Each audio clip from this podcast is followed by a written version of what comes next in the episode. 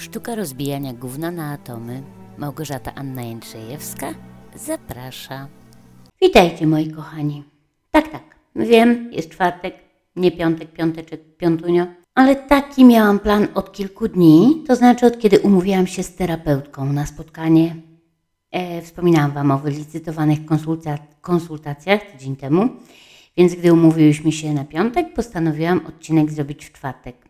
Tym bardziej, że dziś mam niedzielę, a jutro od rana w pracy, więc miałabym natłok wszystkiego. Ale gdy przyszedł czwartek, czyli dziś rano, właściwie miało odcinka nie być. Tak w ogóle. No bo jak dowiedziałam się, co się stało, pomyślałam, dobra, okej, starczy, finish. Kogo będą interesować Twoje wynurzenia, Małgosiu, w obliczu takiej tragedii? No, nie wiem, czym jest wojna. Mogę się domyślać.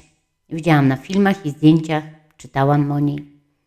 Bo jestem rocznik 62, więc urodziłam się już po wojnie i dorastałam w czasach względnego spokoju i stabilizacji. Owszem, toczyła się zimna wojna, ale głównie w świecie szpiegowskim, o czym lubiłam czytać później w różnych powieściach. Gdzieś tam w świecie owszem działy się różne rzeczy, ale nie w Europie. Tu było spokojnie i wydawało się, że tak zostanie na zawsze. Oczywiście był też moment strachu w 81, gdy w kraju ogłoszono stan wojenny, ale w moim małym nowym stawie mało go odczułam. Chyba, że w Sylwestra, bawiąc się w kotka i myszkę z milicjantami. Nie mieszkałam w dużym mieście, więc nie odczułam tego prawdziwego strachu na widok czołgów, wojska, armat, kolumny jadącej gdzieś tam. Później w latach 90. przyszedł czas na rozpad dawnej Jugosławii i zaczęła się wojna. Pierwsza europejska wojna po wojnie, ale nie w całości europejska, bo Bośnia, Serbia, Hercegowina, Czarnogóra i Chorwacja. Jak to mówili e- eksperci, na Bałkanach zawsze jakieś dziwne rzeczy się działy. Później była masakra w Srebrenicy, 1995 rok. Strefa bezpieczeństwa ONZ, słuchajcie, centrum Europy, nie żadne peryferie, nie środek Afryki, czy tam jakaś wysepka na Pacyfiku, czy gdzieś tam daleka Azja. Nie. Środek Europy, a wydarzyła się straszna zbrodnia. Oficjalna liczba to 7079 osób zamordowanych bestialsko w ciągu kilku dni i nocy. Ponad 7000. A ile było naprawdę? Nie wiadomo. Owszem, głównie odpowiedzialni Radovan Karadzic i Radko Mladic zostali schwytani i oddani Trybunałowi w Hadze, ale to, co się stało, to już się po prostu stało. I to stało się 27 lat temu. Nie tak dawno, a wszyscy zdążyliśmy zapomnieć. Zresztą przyznam szczerze, naprawdę nie zajmowałam się tym wtedy. Owszem, wiedziałam, że coś się dzieje, współczułam, ale byłam zbyt zajęta swoim życiem osobistym, choćby rozwodem, żeby zajmować się sprawami świata czy Europy. To mnie nie dotyczyło. A dziś przyszła wiadomość równie straszna jak wtedy. Rosja rozpoczęła wojnę. I właściwie dziś znów mogłabym powiedzieć, to mnie nie dotyczy. Mieszkam w Wielkiej Brytanii, na wyspie, Rosja jest daleko, Ukraina też. Co mnie to obchodzi? Jestem bezpieczna, mam dach nad głową, nie straszą mnie samolotami, mogę iść do sklepu, mam prąd, gaz, pracuję, moja knajpa jest otwarta, ludzie przychodzą, śmieją się, rozmawiają i to pewnie nie o wojnie. Niektórzy mają laptopy, pracują, jedzą.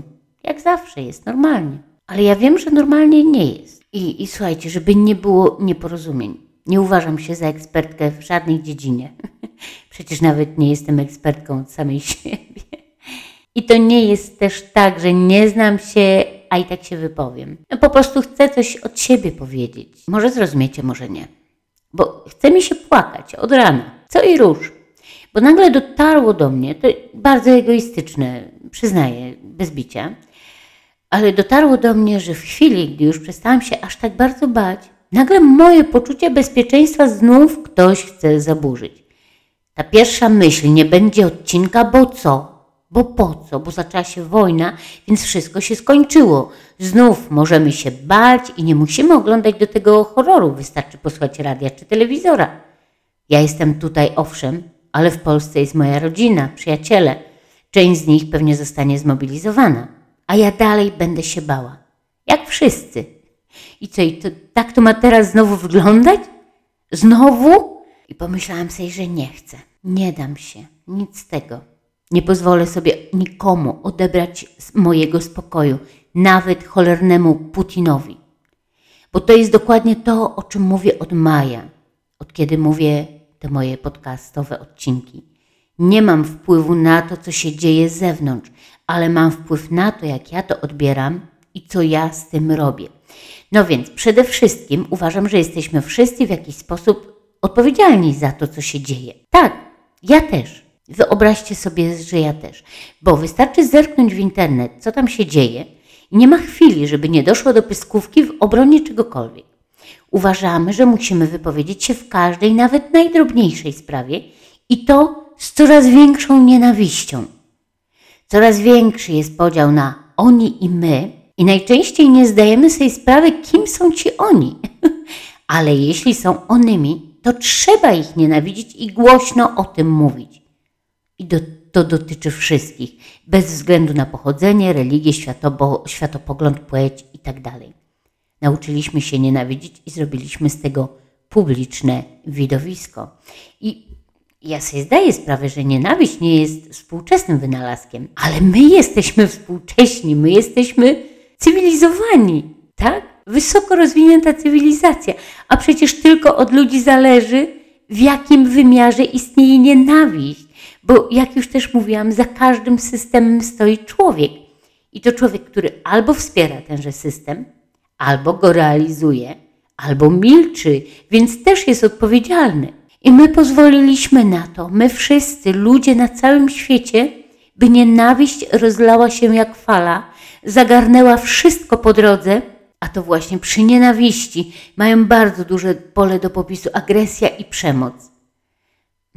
Podobno mamy gen sprzeciwu, ale tak mi się wydaje, że on zaistniał tylko przy szczepionkach na COVID, bo nie sprzeciwiliśmy się nienawiści.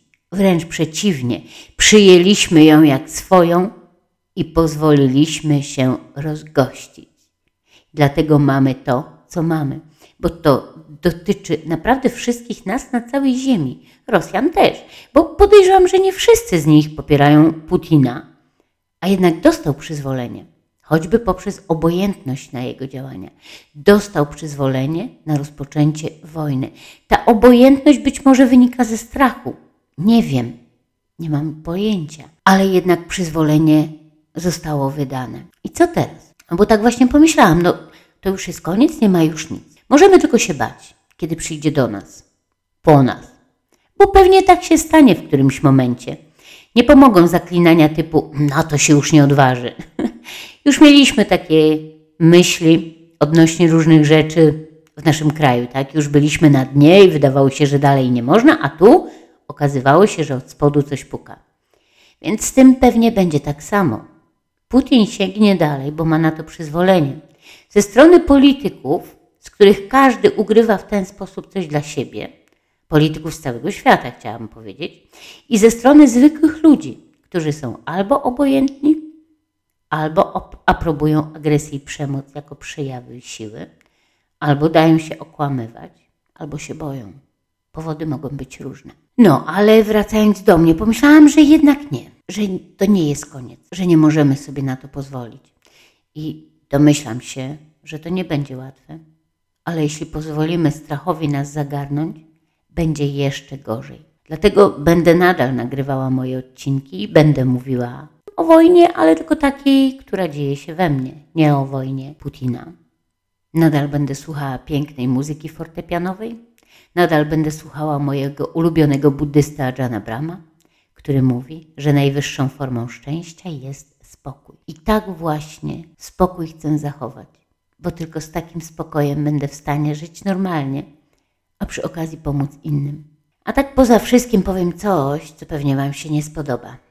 Trochę mi go żal, tego Putina.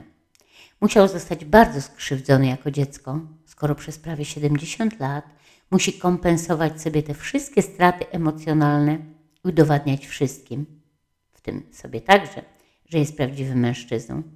Bo przecież nikt nie rodzi się psychopatą. To życie na, nam, nas zapisuje na naszej tablicy do pewnego momentu, później już sami wybieramy dalszą drogę. Tyle, że nasz plecaczek zapełnia się już w dzieciństwie czymś tam i nie zawsze zdajemy sobie z tego sprawę.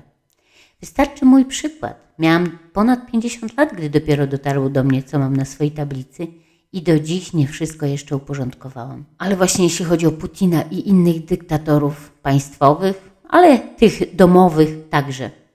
Nie umiem sobie inaczej wytłumaczyć tego parcia na władzę, obojętności na cierpienie innych, bo przecież wiadomo, jak, jak jest wojna, są straty.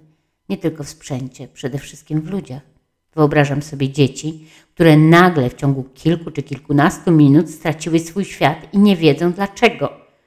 Bo dorosły wie, że, jak to było w Ogniem Mieczem, sorry za, za ten przykład, za to skojarzenie, ale samo mi przyszło, tuhaj by rozsierdziłся, Więc dorosły sobie przetłumaczy. A dziecko? Ono traci poczucie bezpieczeństwa i łatwo go nie odzyska. I tak samo zwierzęta, które są na terenach wojennych. Zobaczcie, cierpią w Sylwestra i w czasie około sylwestrowym, gdy fajerwerki puszczamy. A co dopiero dzieje się tam, gdzie są ostrzały? Okej, kochani, proszę Was, choć to nie będzie łatwe, wiem, zdaję sobie sprawę, z tyłu głowy cały czas będzie nam wisiało widmo przyszłości, ale to przyszłość, której nie znamy i nie potrafimy przewidzieć. A żyjemy przecież tu i teraz.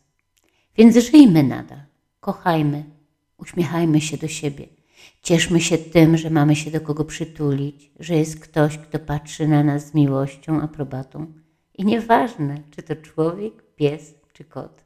Bądźmy wdzięczni za to, co mamy. I pamiętajmy, że życie toczy się dalej. A strach, jeśli pozwolimy mu się zagarnąć, sprawi, że umrzemy żyjąc. A tylko będąc spokojni i żyjący, jesteśmy w stanie pomóc sobie i innym. Pozdrawiam Was serdecznie. Do usłyszenia za tydzień.